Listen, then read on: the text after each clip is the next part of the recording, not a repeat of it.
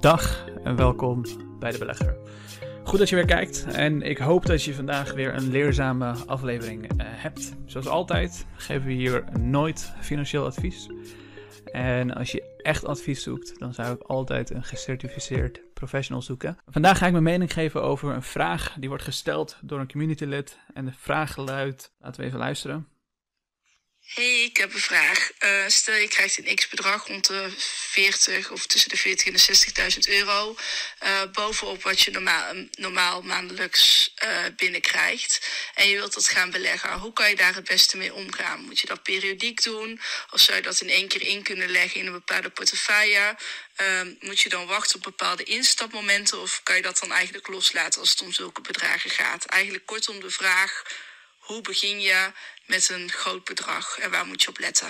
Super, dankjewel voor die vraag. En uh, het is een veelgestelde vraag, omdat er, ja, als, je, als je eenmaal een bepaald vermogen of een bedrag in je handen hebt, dan wil je toch de beste manier van allocatie daarin uh, aanbrengen. En uh, er zijn heel veel verschillende dingen die je natuurlijk zou kunnen doen. Uh, natuurlijk, als, als ik zelf in die situatie zou zitten, dan zou ik eigenlijk hetzelfde doen als wat ik nu doe.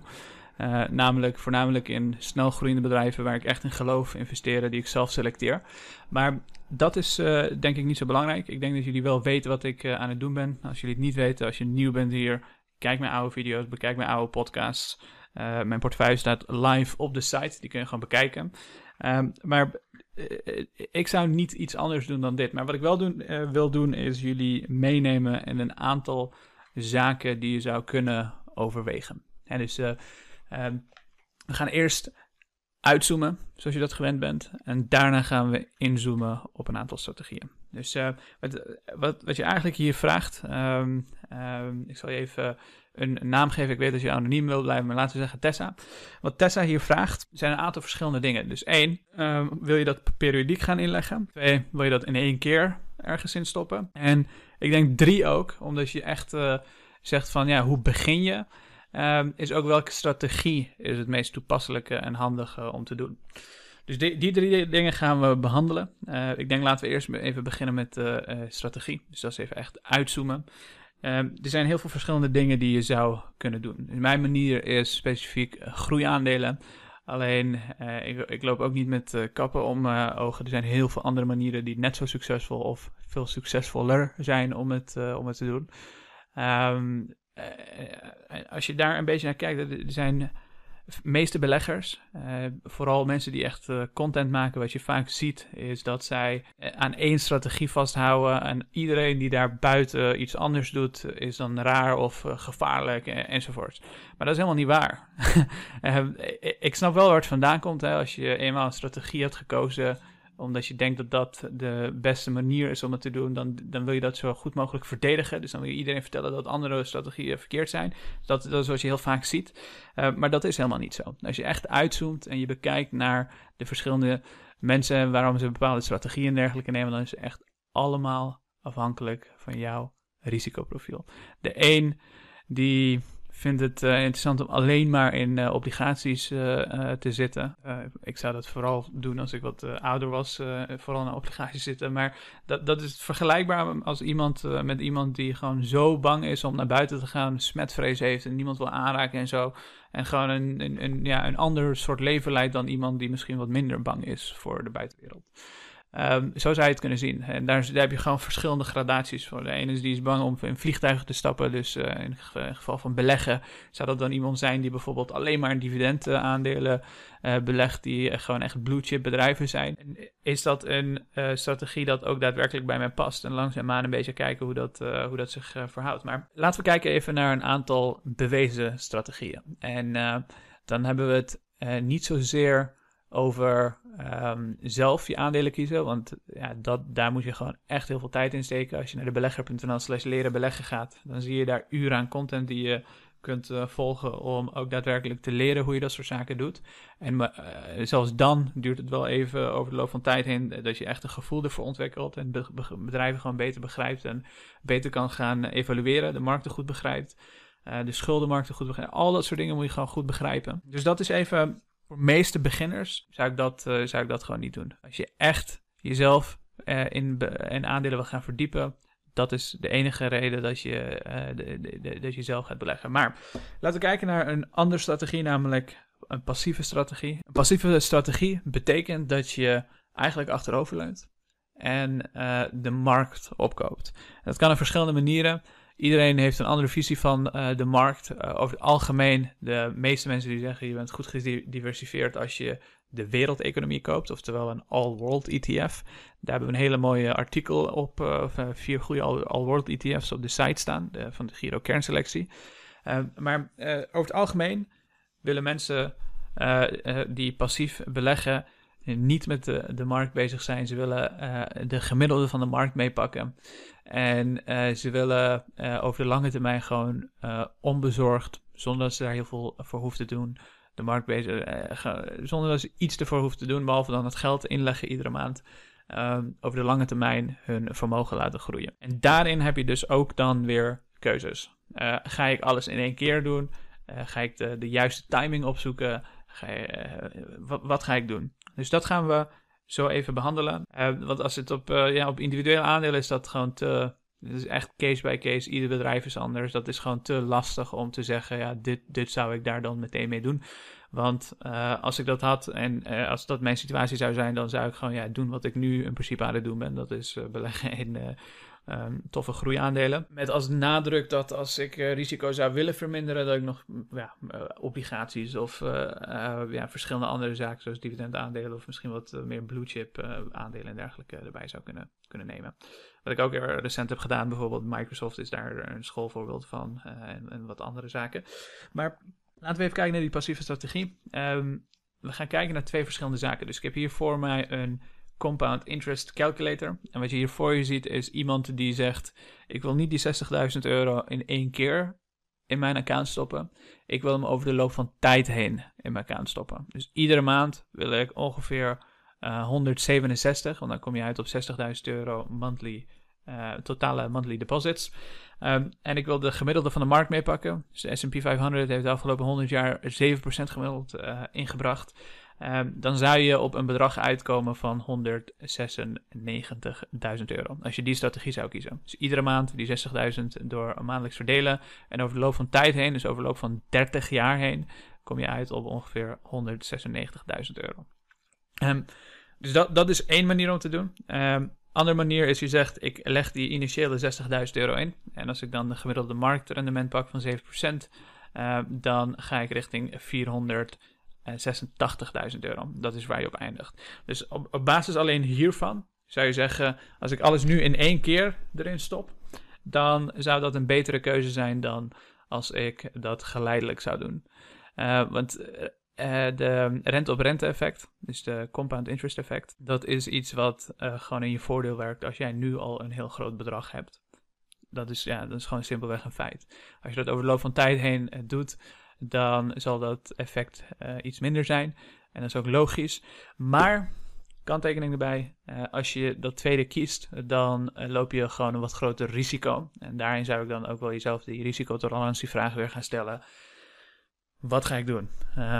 Het, het, kan zijn dat jij het op de allerhoogste moment van de markt koopt. Weet je wel? En dan kan het eventjes duren en dat kan ja, redelijk lastig zijn als het twee jaar lang duurt om weer terug naar uh, op zijn minst keep te gaan staan. Weet je wel, kan je dat aan? Vind je dat oké? Vind je dat prettig? Um, denk daar gewoon over na. Als je, uh, ja, dat, dat zou ik dan uh, even doen. Maar zelfs, dit is even heel simpel gemaakt. Hè? Dit is, is geen, er zijn studies over gedaan dat lamsam eigenlijk beter is dan dollar cost average. Er zijn studies gedaan die zeggen dollar cost average, dus periodiek inleggen, is beter dan lamsam. Oftewel in één keer. Um, je kan er heel veel verschillende zaken over lezen, maar ik hoop je in ieder geval een aantal opties, een aantal ideeën en dergelijke mee te geven, zodat je uh, ziet wat die, wat die opties zijn. Dus dat even uh, als voorbeeld. Laten we kijken naar een, uh, iemand genaamd Personal Finance Club. Hij is heel erg actief op Instagram. Hij heeft ook een eigen website, daar kan je dit ook uh, vinden. Als je Personal Finance Club, how to perfectly timed market opzoekt, dan zie je dit. Maar wat hij heeft gedaan, is hij heeft een onderzoekje gedaan. Uh, hij heeft ook een sheet waar je die, uh, alle gegevens en cijfers uh, vindt. Is hoe time you now the market? Dus wat hij hier heeft gedaan is drie verschillende vriendinnen bij elkaar gezet. gezet. Tiffany, Brittany en Sarah. Al die drie verschillende vriendinnen hebben drie verschillende strategieën. Dus de een is, ik weet niet meer precies hoe hij het noemt, maar volgens mij Bad Timing Tiffany of zo. Perfect Timing Brittany en Fuck It Sarah of zoiets geks. ja, ik weet niet meer precies hoe hij het doet, maar dat is het. Maar wat Tiffany bijvoorbeeld doet, is die zegt, die koopt, die heeft echt heel veel ongeluk. Nou, die koopt iedere keer precies wanneer de markt onderaan staat. Of bovenaan staat bedoel ik. Op het allerhoogste, die koopt, daar koopt ze in. Um, en er is, dat is uh, ongeveer 7 of 8 keer zeg maar, voorgekomen de afgelopen x aantal jaar. Dus dat is, dat is wat Tiffany doet. Hele slechte strategie zou je zeggen. Brittany die koopt iedere keer precies op het juiste moment. Dus iedere keer als een markt daalt, echt het onderste moment pakt ze.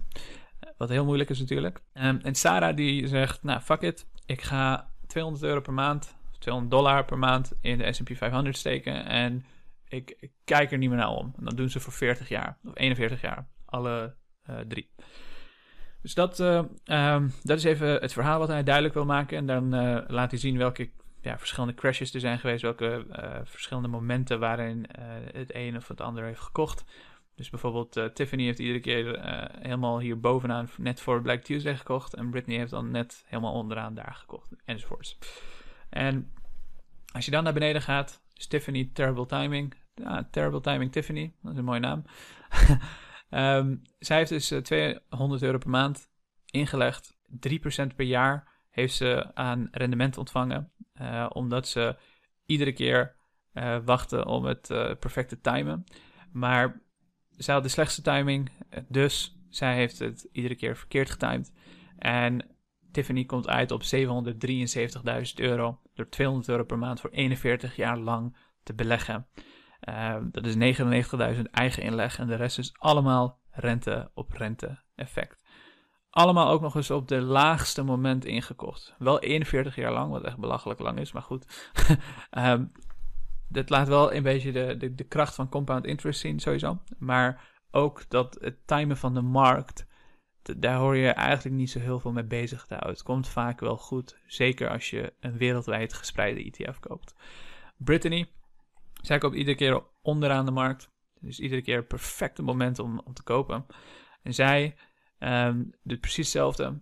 200 uh, per maand uh, geeft ze uit. Um, en omdat ze iedere keer de juiste moment uh, kiest, heeft ze iets meer rendement. Ongeveer 400.000 meer rendement. Dus 50% bijna meer dan Tiffany. Dus 1,1 miljoen komt zo op uit. En dan als laatste Slow Steady Sarah. Zij kijkt er niet meer naar om. Ze zegt: Fuck it. ik leg 200 euro per maand neer voor 41 jaar lang. En zij haalt het meeste rendement. En de cijfers hiervoor kan je terugvinden door naar zijn website te gaan, Personal Finance Club, uh, How to Perfectly Time the Market. Als je dat even googelt, dan vind je het. Maar dit laat heel mooi zien namelijk dat, je, dat, dat, dat, dat het timen van de markt gewoon helemaal geen zin heeft. Weet je, of, of je nou het juiste moment kiest. Het, het, het allersimpelste is door gewoon langzaamaan over de loop van tijd heen gewoon te gaan kopen. En als jij de risico kan tolereren, daar gaat het om, tolereren, Ehm, dan kan je ook gewoon een heel groot bedrag nu in gaan leggen en zien wat er over de loop van tijd heen gebeurt. Zeker als je maandelijks nog uh, gaat inleggen, zal dat uh, helemaal goed moeten komen. Uh, alhoewel, geen financieel advies. Je doet het natuurlijk op je eigen risico. Ik kan de markt niet bepalen. Het kan zijn dat we zelfs tien jaar lang eh, geen groei mee gaan maken. Zoals in Japan bijvoorbeeld het geval is. Um, maar dat is even een strategie die je zou kunnen implementeren. Dus ik hoop dat dat je een aantal handvaten geeft Um, ik denk dat dit de meest makkelijke strategie uh, is om het om te doen. Um, als mijn oma zou vragen hoe ze het uh, zouden doen, of als een, ja, een vriend die zichzelf gewoon niet met de beurs wil bezighouden, dan is dit gewoon wat ik zou zeggen dat ze. Dan is dit gewoon wat het handigste is om te doen. En als je vier goede all-world ETF's wilt ontdekken en begin van, om een begin met je onderzoek te maken, dan kan je even naar de website gaan en ze opzoeken. Maar ik hoop dat dit je een beetje houvast geeft. Um, als het op individuele aandelen komt, er zijn ook heel veel strategieën uh, die je zou kunnen implementeren. Die voor mij is nog, denk ik, redelijk risicovol. Uh, ik zit echt in heel snel groeiende, vooral techbedrijven die in heel veel verschillende sectoren actief zijn, dus nog redelijk gespreid. Maar bedrijven die echt de wereld kunnen veranderen. Uh, maar die ook gewoon heel hard kunnen falen. Waardoor je ook net zoveel rendement net zo snel kwijt kan zijn als als je hem gegained hebt. Maar dat is een bewuste risico die ik neem. En mijn doel is dus ook echt enorme vermogensgroei. En dat haal je niet door x percentage dividend en x percentage dit en dat uh, te gaan beleggen. Dat heb ik al geprobeerd. Uh, ik zag mijn risico uh, tolerantie, hoe dat was een tijd geleden. Um, maar bijvoorbeeld, ik had nooit een, zo'n groot portefeuille gehad. Toen ik, op 70, 80.000 euro zat, dacht ik van, nou, misschien dat, dat ik toch mijn risico ga spreiden. Ik ging allemaal dividendaandelen kopen. Maar dan, dan wijk ik af van de strategie, iets waar ik gewoon achter sta, iets waar ik comfortabel mee ben die laat ik links liggen om iets te gaan doen, omdat ik opeens te veel risico vind. Weet je wel, nu zitten we aan 2,5 ton bijna. En ik heb eigenlijk ja, zoiets van, laat, het is wel goed zo. Ik, ik ben bereid om dit gewoon ook zelfs helemaal te verliezen als, dat, als het daarop aankomt. Maar ik denk niet dat dat gaat gebeuren. Ik denk dat ik echt een topbedrijf zit die de wereld gaan veranderen. En dat we sowieso naar die 2,5 miljoen eh, straks gaan gaan. Ik denk dat het heel realistisch is. Het is niet heel gek uh, op basis van de berekening die ik heb gemaakt. Dus Dankjewel voor je vraag. En vandaag uh, Tessa, dat is een nepnaam, want je bent anoniem. Maar ik hoop dat je er wel wat aan had. En laat me weten, weten wat je van het antwoord vindt. Mochten er mensen zijn die nog vragen hebben, uh, stel ze gerust op Instagram. Je kan mij een berichtje sturen, een voice clip.